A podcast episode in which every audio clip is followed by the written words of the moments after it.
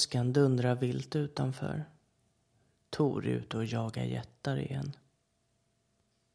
Han måste färdas fort i sin vagn när det låter så här.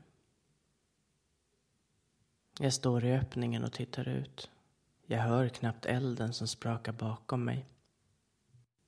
Barnen ligger och sover tryggt, trots Tors framfart. Himlen lyser upp i omgångar. Nu svingar han mäktiga mjölner. God jaktlycka, store Tor, mumlar jag tyst för mig själv. Jag vänder mig om och går in och lägger några vedträn i elden. Nu går vi mot svalare tider. Jag kryper ner hos mina barn och somnar med ljudet av Tors vagn som fortfarande dånar utanför i mina öron och blixtarna som lyser upp världen när Tor svingar Mjölner.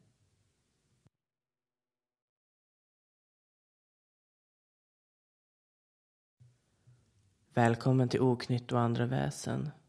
Den här gången ska vi prata om asatro och vikingar. Vikingar är väldigt populära världen runt med filmer och serier som skildrar vackra, vildsinta sköldmöer som står redo att ge sig ut i strid tillsammans med männen. Och besärkar som stred som stöttrupp. Det är inte svårt att förstå varför människor runt om i världen älskar vikingarna. Att vara viking handlade inte bara om att bygga båtar, ge sig ut och upptäcka världen och ta byten. Det vanligaste en viking gjorde var att sköta gården och ta hand om djuren och bruka jorden. I isländska skrifter beskriver man att rollerna i en familj var strikta, tydliga könsroller. Det var männen som förde familjens talan på tinget. De skulle sköta om tvister och handel och plöja åkrarna. Men även om könsrollerna var tydliga och strikta så fanns det både män och kvinnor som var rika och mäktiga. Det var alltså inte bara männen som kunde vara mäktiga under vikingatiden. Något som man har hittat i många kvinnogravar från vikingatiden är nycklar. För oss idag så är det ingenting speciellt med att ha en nyckel. De flesta har fler än en på sin nyckelring. Men då innebar det att som husfru med nyckel så var du hemmets chef. Du hade makt över hushållet.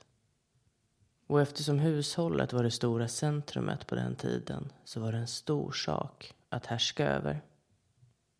Men det var inte lätt att vara varken man eller kvinna på den tiden. Eller förälder. Det är förvisso inte en dans på rosor alla gånger i modern tid heller. Men vi har sjukhus och sjukvård idag, vaccin och andra livsavgörande behandlingar.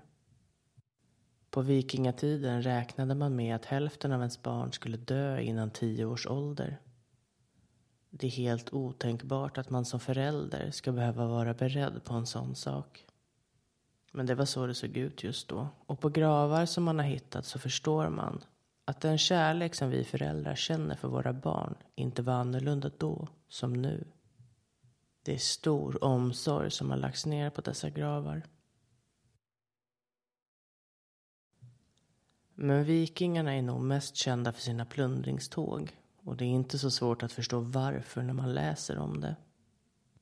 Man tror att vikingatiden började i slutet av 700-talet. De skandinaviska vikingarna gav sig ut i världen på jakt efter ära, rikedom och makt. Efter plundringståget mot ett kloster på Lindisfarne år 793 så började skräcken om vikingarna att sprida sig och vad de var kapabla till. De tog sig till England och steg i land och plundrade klostret, högg ner flera munkar och tog det de kunde för att sen ta sig tillbaka till sitt skepp och försvann lika snabbt som de kom. Europas kust drabbades av vikingarnas framfart de kände ingen ånger för att plundra och mörda. Det var snarare tvärtom. Och de återvände hem igen med sina byten. Och en stor del i deras framgång var deras skepp. Långskeppen. De var slanka och snabba.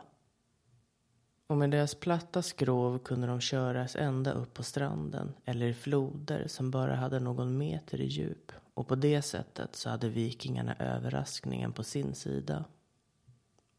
Så med andra ord, Vikingarna var handelsmän, bönder och krigare. De reste runt för att handla med varor och grunda nya samhällen. Men också för att plundra och härja såklart. Det är ingen hemlighet vad vikingarna trodde på. Asagudarna. Det fanns många gudar som vikingarna lade sin tro till. Och det fina med asagudarna är väl att de inte är helt olika oss människor. Asar och asynjor kan nämligen dö. Och de besitter både bra och dåliga egenskaper. Precis som du och jag. Och några av de viktigaste asagudarna är bland annat Oden. Han är den främsta av asarna. Med onsdag som hans dag. Odens dag. Allfadern, krigsgud och dödsgud Oden offrade sitt ena öga för att kunna se allt som händer i världen. Hans två korpar, Hugin och Munin, står för minne och hågkomst och de flyger över världen och rapporterar vad de ser. Och Odens häst Sleipner, vars åtta ben tar dem genom alla världar. Gere och Frecke är Odens vargar. Enligt sången om Grimner brukar Oden ge sina vargar all mat som serveras åt honom i Valhalla. Han föredrog nämligen vin. Gere betyder den girige och Fräcke betyder den glupske. Han har även guldringen Draupner som är viktig för gudarna. Oden hade en önskan. Han ville veta allt och få vishet och kunskap om dolda ting. Så han offrade sitt ena öga i Mimers brunn och sen kastade han sig på sitt eget spjut, Gungner. Därefter så hängde han sig i Yggdrasil, världsträdet. Där hängde han nio nätter och nio dagar. Allt detta för att kunna få kunskap om andra världar och för att kunna förstå runorna. Under hans offerhandlingar fick Oden hemlig visdom och såg syner den kunskapen han fick var magisk och gjorde så att han kunde stilla stormar och bota sjuka. Han kunde vända vapen mot sina fiender och oskadliggöra trollkvinnor. Och som om inte det var nog så hade han en förmåga att kunna göra kvinnor kärlekskranka. Oftast så kunde han göra allt det här med bara en enda blick. Oden var även en hamnskiftare, förmågan att kunna byta skepnad det sägs att han kunde falla i dvala och skicka ut sin själ att se ut som något eller någon annan. En annan asagud är Asynjan Frigg. Frigg är Asgårds härskarinna, Odens fru och de kvinnliga gudarnas drottning. Hon är mamma till Balder, Höder och Hermod och är moderskapets och äktenskapets beskyddare. Och liksom hennes make så har hon givit namn åt en dag, fredag, som anses vara en väldigt bra dag att gifta sig på. Och det sägs även att Frigg bär en stor blå kappa som ska symbolisera himlen. Med sin smarthet överlistar hon sin make som trots allt är visdomens gud. Och det är inte ovanligt att de två slår vad om saker. Oden rådfrågar sin fru ofta och trots att hon inte ägnat sig åt spådom så vet Frigg mycket om framtiden. Och även fast de är gudar så betyder inte det att man har ett perfekt äktenskap. Nej, trots att Frigg är äktenskapets beskyddare har hon varit otrogen mot Oden flera gånger. Bland annat med hans bröder som sagt, inom asatron är inte ens gudarna felfria. Och sen har vi guden Tor, åskans, böndernas och de fria människornas gud. Torsdag är hans dag. Tor är temperamentsfull och har tre mäktiga ägodelar som hjälper kampen mot jättar och kaos för att hålla ordning Hans mäktiga hammare Mjölner som alltid träffar sitt mål och kommer tillbaka till Tor igen. Meginjord, styrkebältet som gör att hans asastyrka fördubblas när han spänner det runt sig. Och sen hans järnhandskar, järnglofar, som han måste ha på sig när han tar tag i skaftet på Mjölner. Oden är hans far och jord är hans mor. Jord, som även kallas Fjogin, är jordens asynja. Hennes ursprung är lite dunkelt. Tor har två bockar som drar hans vagn, Tangnost och Tangrisner. Han är även känd för att tycka om mat och mjöd. Och Tor har stor styrka och makt. Och på grund av det så är han med i väldigt många berättelser när han kämpar mot jättar och andra vidunder. En väldigt känd berättelse är kvädet om Trym som kommer ur den poetiska Eddan och handlar om att jätten Trym har stulit Mjölner och gömt den djupt, djupt ner i jorden. Och när Tor inte har Mjölner är gudarna och hela deras värld hotad. Loke, som i vanliga fall är slug och svekfull, bestämmer sig för att hjälpa till den här gången. Loke beger sig till Trym och frågar vad han vill ha för att återlämna Mjölner till Tor. Trym talar om att han vill gifta sig med Freja. Får han göra det så lämnar han tillbaka hammaren igen. Det togs inte alls bra av Freja. Hon blev så arg när hon fick höra vad Trym hade bett om att hela Asgård skälvde. Så asarna och asynjorna fick fundera ihop någonting annat. Heimdall var den som föreslog att hon skulle gå med på vad jätten hade bett om. Men istället för att Freja skulle åka dit så skulle Tor ta hennes plats och klä sig i brudkläder och ta på sig Frejas halsband, brisingamen. Men nu var det Tors tur att bli förbannad. Han kunde inte ens tänka sig tanken att klä sig i kvinnokläder. Men efter mycket om och men så lyckades de andra gudarna övertala honom att gå med på det. Och Loke följde med honom som brudtärna. Och de kom fram till Jotunheim som är jättarnas boning under en åskstorm. Och jättarna bjöd på en stor fest med mycket mat. Trym såg förvånat på när den utklädda Tor tryckte i sig en oxe, åtta laxar och drack en hel tunna mjöd själv. Loke som var kvicktänkt talade om för Trym att Freja hade längtat så mycket efter honom att hon inte hade kunnat äta på åtta dygn. Och när Trym sen försökte kyssa den utklädde Tor så ryggade han tillbaka av den blivande brudens vilda blick och än en gång var Loke snabbtänkt och förklarade att Freja hade en sån vild blick för att hon inte hade kunnat sova på åtta nätter. När Mjölner väl hade hämtats fram ur underjorden och lades i den blivande brudens knä, som var seden när ett par skulle vigas, så visade Tor sitt rätta jag. Tor räddar gudarnas värld genom att slå in skallen på alla jättarna med sin hammare Mjölner.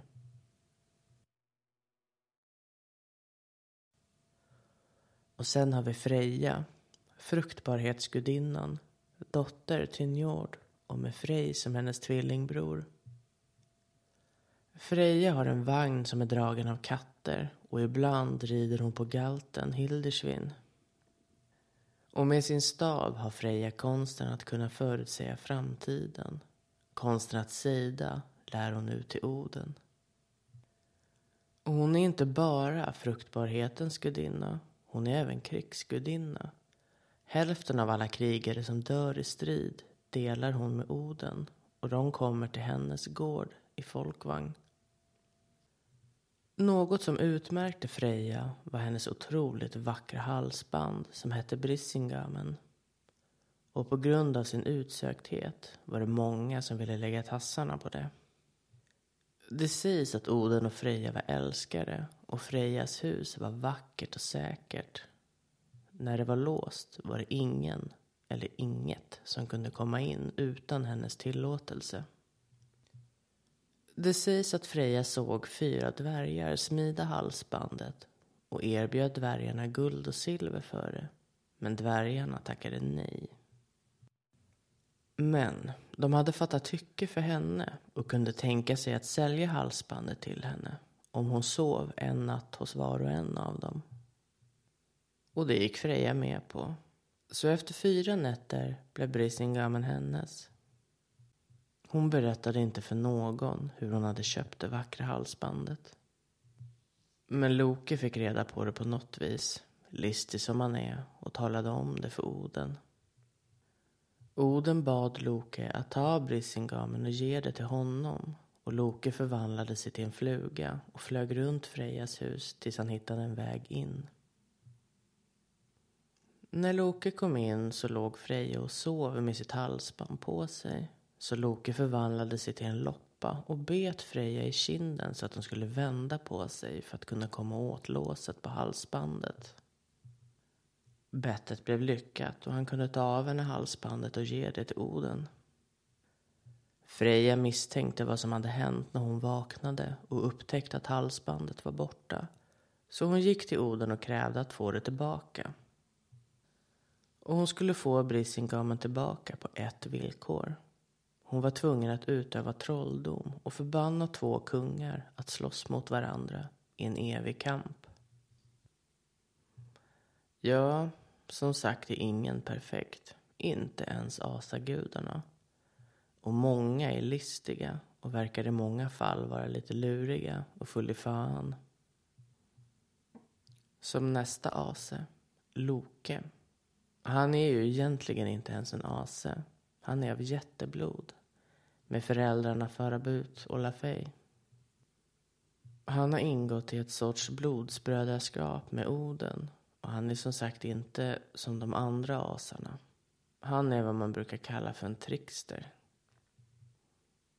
Han ljuger, luras och stjäl och har inga problem med att ingå i tvivelaktiga avtal.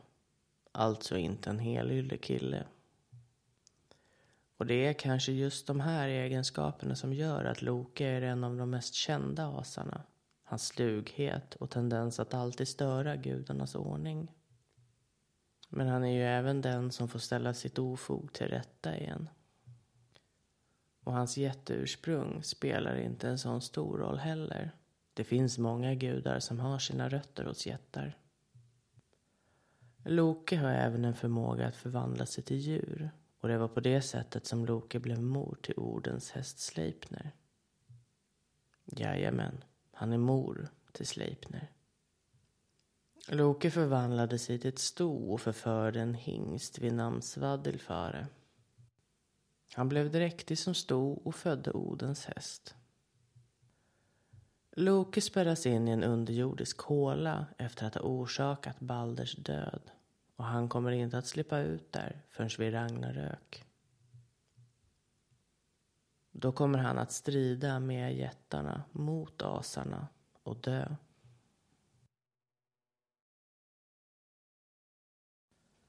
Sen har vi Odens och Friggs son, Balder. Det sägs att han är så vacker att det lyser om honom och alla i Asgård älskar honom.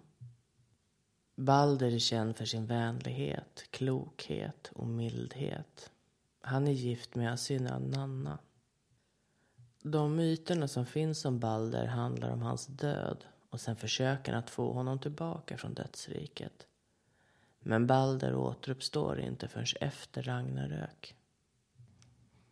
Balder hade en dröm om att någonting hemskt skulle hända honom.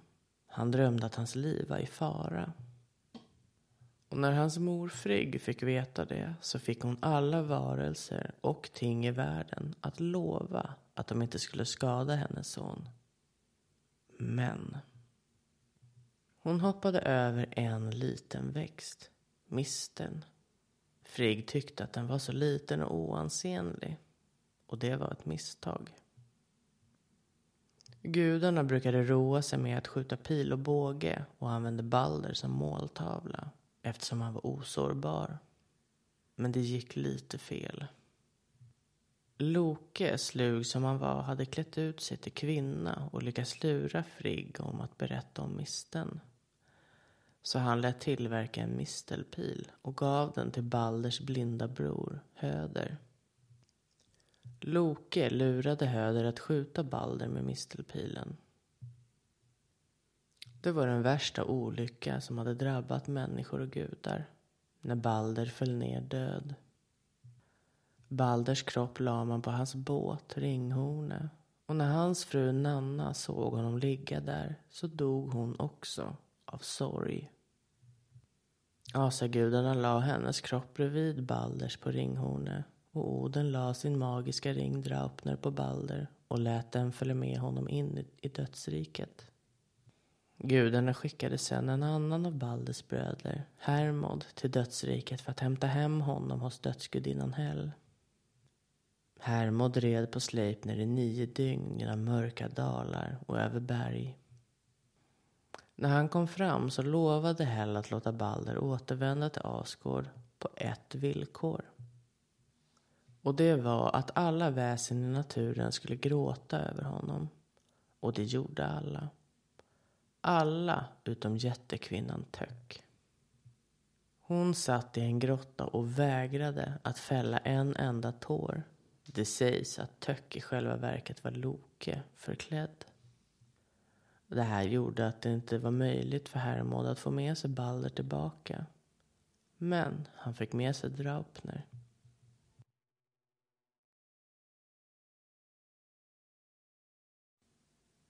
Det finns så otroligt mycket om asagudar. Så mycket att vi får spara lite till ett annat avsnitt. Vi har en ganska lång berättelse idag som är skriven av RS som skildrar en vikings liv från barndom till slutet som en gammal man. I en av Sveriges små städer, på en gård med rötter från det tidiga 1400-talet har min familj ägt och vårdat gården i många århundraden.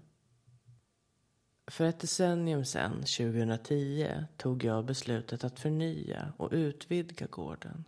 Och då är det jag med min familj som har drivit gården de senaste 20 åren. Vi ville bygga större och göra gården mer ekonomiskt vinnande. Så vi började arbetet. Och herregud vilken skatt vi kom över. Det mest extraordinära fanns på cirka 3 till 4 meters djup där den gamla lagården hade stått. Där, bland jordens lager, stötte vi på en kista som innehöll vikingaföremål tillhörande en man vid namn Grim. Grim, en viking vars livshistoria skiljer sig markant från den typiska vikingalegenden. Han hade inte bara ägnat sitt liv åt plundring och äventyr. I sin senare ålder hade Grimm lärt sig att skriva på latin och generöst dokumenterat sitt unika liv som viking.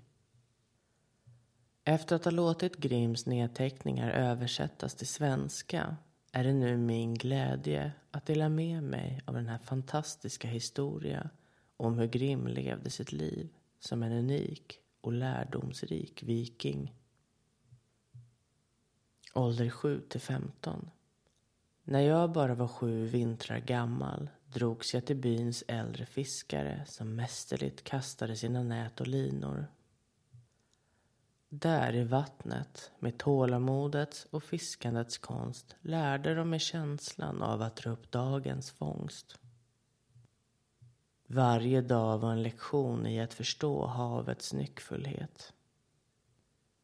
Runt tio år gammal fängslades jag av de äldre jägarnas skicklighet. Med en enkel båge och träpilar trädde jag in i skogen för att lära mig att spåra, att vara en del av naturen.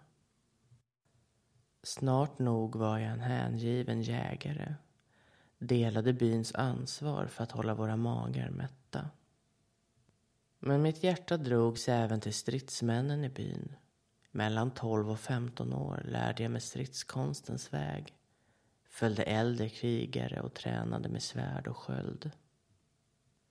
Min ungdomliga entusiasm och iver drev mig att utveckla smidighet och styrka och jag blev en kämpe i görningen. Under dessa år insåg jag inte bara vikten av att bemästra fiskets, jakt och stridskonstens hantverk utan också att dela dessa kunskaper med min by. Min resa från nyfiken sjuåring till lovande viking formade inte bara mig som individ utan skapade också grunden för mina kommande äventyr och mina oväntade strävanden att lära mig latin och dokumentera mitt liv som viking. Men mer om det längre fram. För vid den här åldern så visste jag självklart inte att jag en dag som gammal man skulle lära mig att skriva och förstå språket latin. Ålder 15 till 25. När jag inträdde i min femtonde vår blev strävan att bli en fulländad viking mer påtaglig. Mina dagar var fyllda av intensiv träning i stridskonsterna där svärdets dans och sköldens skydd blev mina trogna kamrater. Jag sökte de äldre krigarnas råd och strävade efter att förstå de finesser som skilde en kämpe från en mästare. Parallellt med mitt stridsliv fördjupade jag mina kunskaper om hantverket. Bland smeder och skickliga hantverkare fann jag min plats där jag formade mitt eget svärd och smidde mina första rustningar. Varje glödande smide var en lektion i tålamod och hantverkets hängivenhet. Mellan arbetet med svärdet och mina äventyrliga färder över haven sökte jag insikter om världen bortom min hemby. Tillsammans med likasinnade vikingar utforskade jag avlägsna kuster, plundrade och handlade. Dessa resor formade mig och gav mig bredare insikter om världen och dess mångfald. I min strävan efter fulländade insåg jag att en viking inte enbart definierades av sina stridsfärdigheter utan också av sitt intellekt och sin förmåga att förstå världen runt omkring sig. Mina 15 till 25 vårar blev en resa genom krigskonsten och hantverkets riken och varje steg formade mig till den viking jag var ämnad att bli. Ålder 25 till 33. När mina fötter för första gången sattes på engelsk mark var det som om ödet själv viskade om okända äventyr. Jag och mina vapendragare härjade fritt i dessa främmande marker under de första fem åren där striden var vår väg och seger var vår lojalaste följeslagare. England blev scenen för våra triumfer och mitt rykte som en fruktad vikingakrigare spred sig som en brinnande eld. Våra vapen var mitt språk och våra handlingar talade om för världen vilken oövervinnlig kraft vi var. Vi plundrade, kämpade och vi stod som en båge sträckt mot tidens dröm. Jag beordrade mina mannar att återvända stolta till Sverige på min trettionde månvarvsdag. Det var en triumferande hemkomst för mina mannar där mina bragder som vikingakrigare hade nått legendens öron. Men dessa sista tre åren av min tid i England blev något annat. Det var då jag, den fruktade Grim, steg in i klostrets dunkla korridorer där munkarna trodde sig vara skyddade från vikingahämnd. Jag som satt skräck och rädsla i deras hjärtan insåg att min strävan nu måste rikta sig mot en annan form av erövring. Under dessa år av lärande hos munkarna i det tysta klostret sög jag åt mig kunskapen likt en törstig vandrande vid en oas. Där, bland böcker och mystiska korridorer formades jag om till mer än bara en krigare. Min resa från skräckinjagande vikingakrigare till en lärd man bär på vittnesbörd om hur vikingen Grim kunde bemästra både svärdets konst och ordets makt. Ålder 33 till 40. Vid 33 års ålder återvände jag till Sverige bärandes på kunskapens tyngd som jag förvärvat från de tysta korridorerna i det engelska klostret. Min hemkomst var en triumf men min strävan efter insikt var inte fullbordad. Jag bar på år av erfarenhet som en fruktad vikingakrigare och som en lärd man. De följande sju åren av mitt liv präglades av en strävan efter att förena mina båda världar. Krigarens och lärdemannens. Jag delade med mig av mina kunskaper till mina landsmän. Vävde samman krigarkonstens hårda lärdomar med ordens elegans. Min kraft låg inte bara i svärdet utan också i förståelsen av dess historia och konst. Under dessa år blev min gårds mark min andra lärdomsplats. Jordens visdom mötte mina egna insikter och jag skapade en förening mellan det gamla arvet och de nyvunna kunskaperna. Min gårds marker talade om krigets arv och böckernas vishet. Vid 40 års ålder hade jag format mitt eget arv. Ett arv av strid och visdom som skulle leva vidare genom tiderna.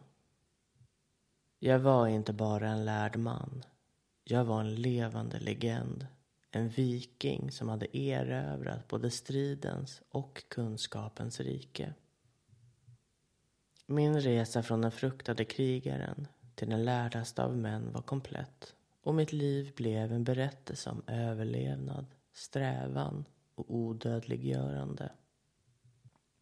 Ålder 40 till 48. När jag nådde 40 års ålder kände jag blodets törst och stridens heta rop kalla på mig ännu en gång. Det var som om mina år av lärdom och reflektion inte hade stillat den inre elden som brann inom mig. Ropet om en sista resa, en sista triumferande återkomst blev oemotståndlig. Min blick vände sig mot Frankriket. ett land som andades historia och var fyllt av rikedomar som ropade på att bli erövrade. Jag och mina mannar som hade blivit bröder under åren gav oss ut på en sista plundring. Skillnaden denna gång var att jag inte bara var en krigare. Jag var en extremt lärd viking som bar på stridens, ordets och skriftens lärdom. I stridens hetta kombinerade jag mina färdigheter som kämpe med den djupa förståelse jag förvärvat genom åren och lärande. Varje svärdhugg bar på en historia. Varje strategiskt drag var präglat av de taktiska insikter jag förvärvat. Min närvaro var inte bara en storm över landskapet utan också en påminnelse om att krigets konst kräver inte bara fysisk styrka utan också ett skarpt sinne. Vår resa genom Frankrikes marker blev en dansstund mellan stridens våld och det lärda sinnet. Jag erövrade inte bara skatter och rikedomar utan också samlade på mig de sista kapitlerna i min episka resa som viking. Varje triumf, varje natt vid lägerelden var en påminnelse om de många ansikten jag burit genom åren. Från den nyfikna sjuåringen till den fruktande vikingen, till den lärdaste av män. Vid 48 års ålder när jag återvände till min gård bar jag med mig en sista skatt. Den samlade visheten av ett liv fullt av strider, lärdomar och äventyr. Jag hade blivit både krigare och lärare och mitt namn skulle eka genom tiderna som en viking som erövrade både stridens och kunskapens rike. Ålder 48 till 58. Vid 48 års ålder, när den sista ekon av stridens rop lagt sig, fann jag mig i en ny fas av mitt liv.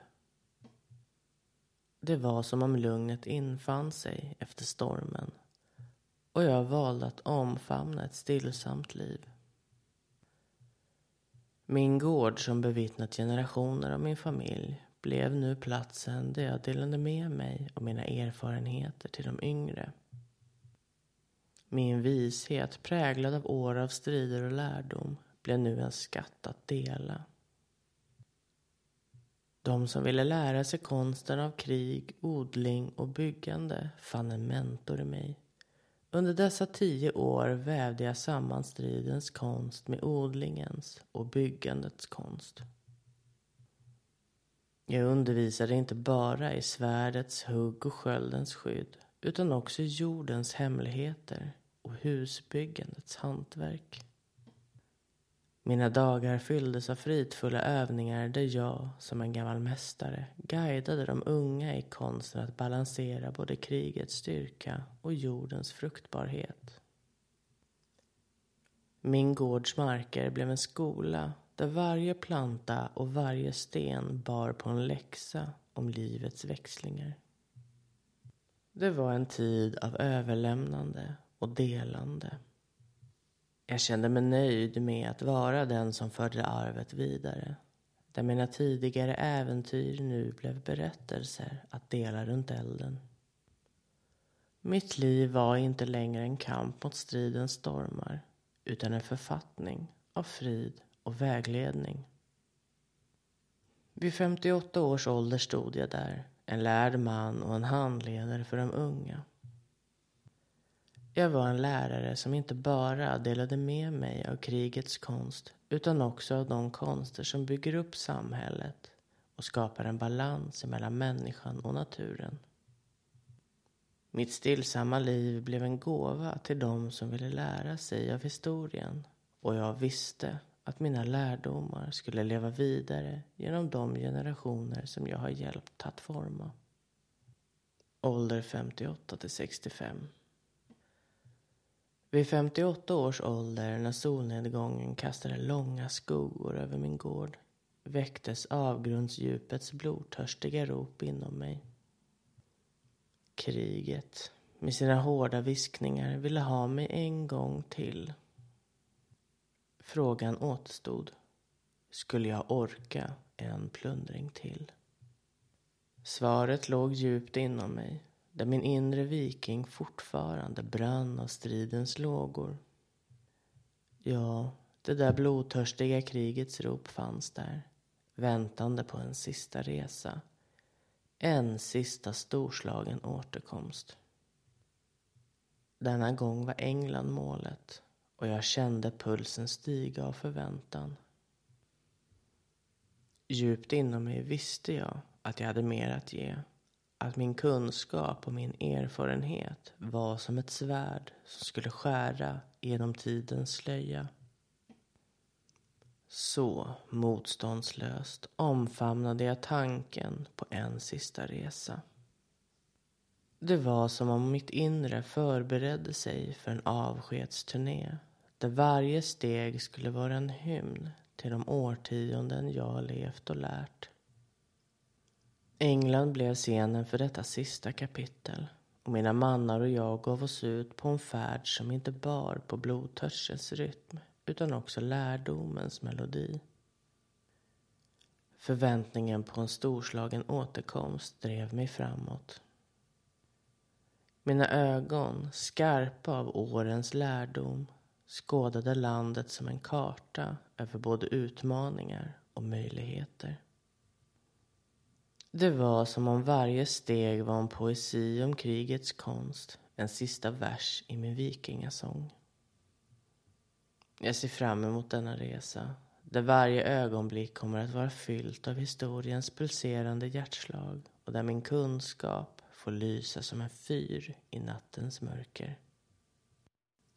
Det blir min sista gåva till kriget. En sista blodtörstig dans innan jag vandrar till skuggornas rike. Det här är vad som kallar på mig och jag är redo att möta det med allt jag har. Triumfernas ljuva sötma fyllde luften när mina mannar och jag under sju långa och hårda år plundrade England på rikedomar större än någonsin tidigare. Våra fartyg lastade med skatter, våra svärd skarpa av seger och vi bar på historien av en sista storslagen färd. Min kröning som den största, mest fruktade krigaren från Norden ägde rum på min hembygds mark. Hyllningarna, starka som nordvindar, tystnade aldrig. Det var som om hela Norden förenades i en sista stående ovation för mina år av bedrifter och mina erövringar. Jag Grim, hade skrivit mitt namn i krigshistoriens blad och hyllades som den som bestod tidens prövningar. Nu vid 65 års ålder stod jag på tröskeln till vila. Kroppen som har burit bördan av stridens år känner nu tyngden av åldern. Jag ser fram emot lugnet där varje andetag är en påminnelse om de segrar jag har vunnit och de prövningar jag har överlevt. Det är nu tiden för vila. En återgivning till jorden som har burit mig genom stridens stormar. Triumfernas sötma ligger som en mjuk slöja över mina minnen och jag känner en frid inom mig. Livet som krigare når nu sitt slut men mina äventyr kommer att leva vidare i de berättelser som sjungs runt eldens sken.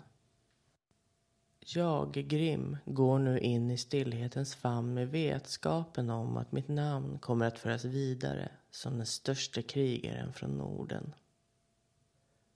Vid 72 års ålder sitter jag ensam vid min bänk blickande ut över havet som har varit vittne till så många av mina äventyr.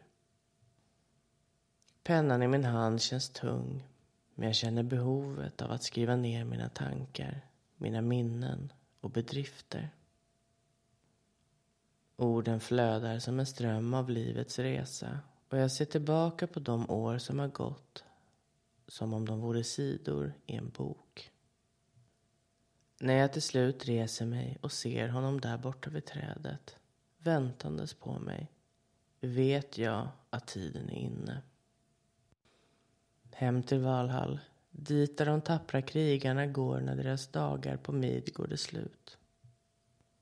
Oden står där som en skugga mot skymningen och frågar om jag är redo. Om du bara visste, svarar jag med ett leende.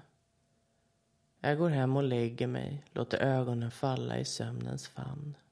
När jag vaknar kommer jag att vara med dig, Oden, på de eviga gröna fälten i Valhalla.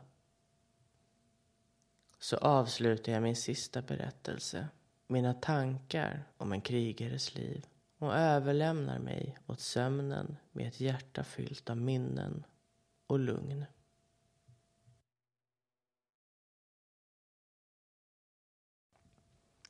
Tack RS för den historien.